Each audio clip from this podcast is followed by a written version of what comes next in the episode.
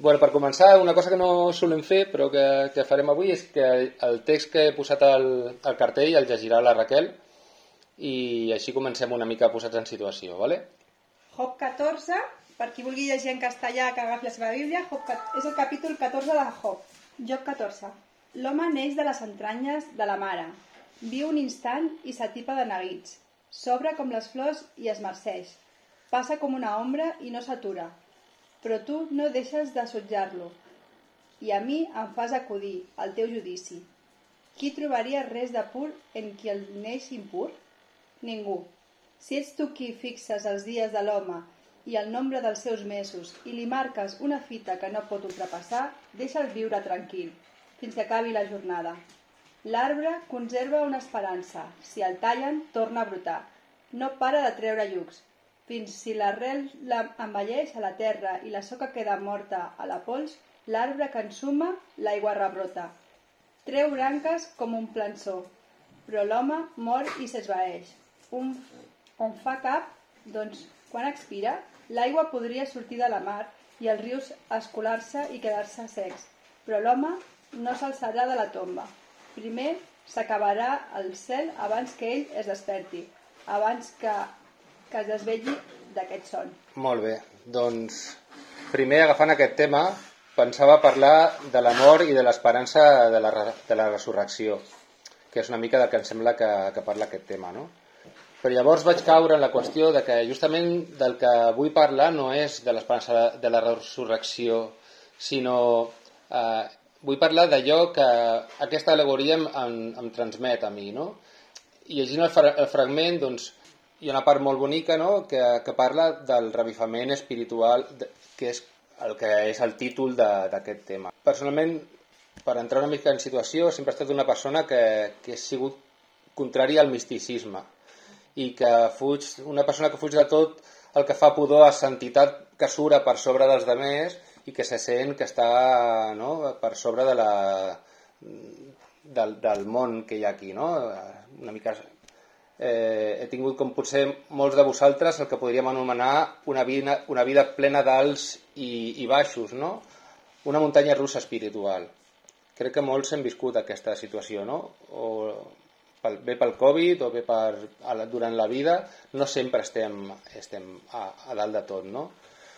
Trobo que la vida espiritual no és una línia contínua, sinó que com l'amor, les passions, els gustos, les aficions i qualsevol exemple que vulgueu posar, tenim moments àlgids on estem a tope i moments on ni tan sols hi pensem o, o no en volem saber res.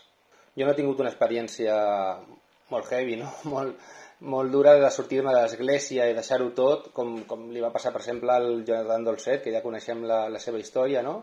I, però sí que us puc dir que de vegades no he volgut saber res de l'església. Això sí que potser molts, molts més us heu sentit identificats. A quan ens ha passat això per, per diferents motius? Però Déu té els seus propis plans. I un dia arriba el Senyor, et toca el cor d'alguna manera, et crida i no pots evi- evitar girar el cap i et diu «Eh tu, on vas? Que no veus que t'has equivocat de camí, de ple, que per aquí no és?»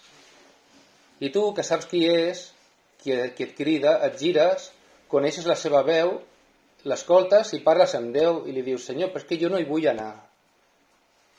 Jo no trobo el que busco. Jo vull fer la meva i seguir el meu camí». Llavors segueixes endavant passant del que, del que el Senyor t'ha cridat, no? És dur, sents el cant de, de sirenes, però també sents que, que no hi vols anar. Però el Senyor és molt gran i et coneix millor que tu mateix. I sap que l'arrel d'aquest arbre no està podrida. Llavors t'acosta l'aigua, l'ensumes i dius, Senyor, potser, potser sí que tinc set, però estic tan avorrit d'aquesta aigua, la mateixa aigua- de sempre que no, no m'omple, aquesta aigua ja no em treu la set, Senyor. No em sap res. I el Senyor et diu, el que diu a Joan 4, 13, 14, tots els qui beuen d'aquesta aigua tornen a tenir set, però el qui begui de l'aigua que jo li donaré mai més no tindrà set. L'aigua que jo li donaré es convertirà dintre d'ell en una font d'on brollarà la vida eterna. Llavors dius, d'acord, i la proves. Ell et mulla el cap, et mulla els peus, t'arriba amb aquesta aigua nova i el teu cos trontolla, el tronc que estava sec sent la, la frescor, et negues primer i desconfies perquè no volies saber res, llavors el Senyor t'obre una possibilitat que sense saber per què t'il·lusiona. Aquesta aigua t'ha tocat i te fa veure alguna diferent. Vols més. El tronc, que semblava sec, treu un brot. Ara vols aquesta aigua. Ara saps que la tens a l'abast. I quan veus que és clara i fresca, que és bona, que t'omple, quan sents la set, veus abans que els nous brots es puguin marxitar. Per mi aquesta aigua ha sigut clam, i tots vosaltres. Potser encara estic tendre i no, tinc un, no sóc un arbre gran i fort, però sé el que vull. Sé el que vull. Vull un revifament. Què necessitem per tenir un revifament? Llavors he estat analitzant una mica com, què busquem, no? Per, per què sí o per què no tenim un revifament a, a, a, la, a la nostra espiritualitat. Sense arribar al misticisme, que ja, ja us dic que una mica fugeixo d'aquesta idea de, de ara de sobte tot m'omple i estic surant per sobre dels demés, no? Llavors crec, primer, primer punt, que la nostra pròpia natura ho necessita. Volem aquesta aigua perquè volem ser feliços. També, jo parlo del revifament i parlo també una mica de la gent que, que, que coneix a Déu per primera vegada es podria una mica aplicar a tot això. Però llavors el que vol qualsevol que s'acosta a Déu, a Jesús, és ser feliç i trobar la felicitat, trobar allò que li falta, allò que, que no li omplia fins ara i que això sí que li ompli. També crec que per un revifament és important haver tingut i perdre. Perdre aquesta il·lusió i aquestes ganes i, i aquesta, aquest fons per valorar. I llavors ser conscient d'haver perdut i tornar a tenir. Ser conscient de que has perdut i, i vols tornar a tenir això. Tenir fe i perdre-la de vegades és l'impuls per tornar-hi a, a ser-hi però tens que voler. Recuperar les ganes però com? sense esforç no hi ha triomf sense llegir la Bíblia o l'oració, no hi ha triomf. Però sí, sí que pots començar a voler fer tot això. Vols sentir, vols sentir el triomf davant de l'adversitat. Quan estàs començant a desanimar-te, vols, vols sentir que, que, que estàs pujant i que, i que t'acostes a Déu i que, i que no, i que no t'enfonses. Però acceptar que el triomf no és mèrit teu o pensar que no t'ho mereixes, però t'és donat, és difícil. Podríem llegir Romans 3, del 22 al 26, que ara ho buscaré en un moment. Uh, per la fe en Jesucrist, Déu dona la seva justícia a tots els qui creuen, sense fer cap distinció, ja que tots havien pecat i vivien privats de la glòria de Déu. Ara, però, ell els fa justos purament per gràcia, en virtut de la redenció realitzada per Jesucrist. Déu ha decidit que Jesucrist, amb la seva sang, fos l'instrument del perdó. Per mitjà de la fe, ha mostrat així la seva justícia salvadora, perdonant els pecats comesos al passat, en virtut de la seva paciència. Ara, doncs, és el temps present, ha mostrat la seva justícia salvadora. Així ell, que és just, fa justos els que viuen en la fe en Jesús. Hem d'acceptar això, hem d'acceptar aquest regal que Déu ens està fent i amb aquest regal a les mans tenir més força per tirar endavant, no? Però sense voluntat pròpia no, no hi ha canvi. Hem de tenir ànims per, per sortir endavant. Voler aixecar el cap després d'una derrota, quan estàs enfonsat. Acceptar el regal, creu-t'ho. Romans 10, del 9 al 10, també llegirem, és un regal, és un sacrifici que ha fet per nosaltres i nosaltres només hem de dir sí, ho accepto. Accepto el regal encara que jo no l'he no demanat, encara que no l'entenc del tot. Per què? És qüestió de, de creure-s'ho. Necessitem de gaudir de la felicitat, de sentir-nos fora de perill. I què és quan et sents fora, fora de perill? Quan, què és quan et sents salvat? Què és estar salvat? Sentir-te fora de perill és estar segur, estar tranquil, tot i que lògicament no ets invencible al 100% un cop coneixes a Jesús. És sentir-te que estàs a resguard de Satanàs.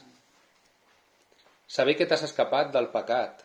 Saber que t'has rescatat que has estat rescatat de la perdició i sobretot no rendir-te. Això és sentir-te salv. Perquè només acceptant aquest rajolí d'aigua, només ensumant aquesta aigua, és possible rebrotar, perquè Déu té la seguretat de que tots podem ser salvats, i així ho vol, però tenim que voler. I tu? Tu vols aquesta aigua? També us he comentat el tema de, de sentir aquesta cançó de Jofre Verdagí, que es diu Junts, perquè m'ha semblat que a la lletra eh, té, té moltes coses, moltes referències que a mi em semblen que, em sembla que, que parlen de com he parlat jo a Jesús moltes vegades, no? Com, com he demanat aquest revifament i, i, i, i la conversa que he tingut amb Jesús, no? Perquè llegiré dos o, o, o tres frases que és que em, em, em semblen superboniques, per això us he compartit aquesta cançó. I és que jo vull mirar les coses com les mires i tenir tanta il·lusió. Jo vull, vull canviar, vull sentir-me ple de vida i estic fart de no fer res. Tan fart de no implicar-me en res que vull mirar aquest món i sentir-me que, sentir que hi formo part. I, bueno, bàsicament, eh, al final diu, junts li riurem a la vida, junts sortirem a jugar, junts escriurem la partida i tornarem, junts tornarem a somiar. Jo crec que, que hi ha tantes frases en aquesta cançó que em parlen de com, com jo li demano a Jesús un, re, un rebrot, és tan bonica, que, que crec que aquesta oració la portem molt tots a dintre, no? En algun moment diem, estem tan enfonsats, tan, tan, tan baixos que necessitem un revifament. Perquè el, el revifament de l'Església com, com a conjunt està molt bé, però i el nostre? El nostre estem, estem bé? És una mica eh, l'accés a les preguntes que tenia una mica per tots vosaltres, i les deixo en l'aire perquè si, si voleu que en parlem doncs, doncs crec que, que, que és un tema molt interessant. Eh, la primera pregunta és com encendre l'espurna del revifament de dins nostre? Què ens motiva? No? A mi m'encès l'espurna clam, no? i, i el, el sentir-me al grup i sentir que tot el que fem i el que parlem m'omple i, i sento que el connecto amb el que cadascú parla, que els temes diferents que parla cada persona m'arriben i, i m'il·lusionen I, i això és importantíssim per tirar endavant per, per pujar, per estar doncs com estic ara, estic content la veritat, de, de formar part de, de clam i d'estar molt més animat per fer, per estar a prop de, de Jesús. Es pot recuperar si una persona si no, si no tens ganes? D'on treus la motivació? Es pot recuperar algú que s'ha rendit? Quan toques fons només queda pujar? No és potser la nostra missió? El revifament de les persones, dels amics, de la gent que hem perdut pel camí, la gent que ja no hi veiem a l'església, que han perdut la, la, la il·lusió, l'esperança, la fe. Què podem fer? Per què no comencem? Bueno, fins aquí és una mica el, el que volia compartir amb vosaltres. Uh, si, entra, bueno, si algú voleu, vol respondre alguna de les preguntes o compartir, espero que tingueu aquesta il·lusió que jo tinc per, per tirar endavant, per, per pujar, per, per un cop toques fons, sí, tornar a pujar. I, i això és la il·lusió que, que crec que Jesús vol en nosaltres, no? que tinguem il·lusió. Doncs, bueno, uh, fins aquí el que volia compartir. Si, si voleu anar participant ja sabeu que només teniu que, que posar el vostre nom aixecar la mà si us veig a temps i, i a compartir la vostra.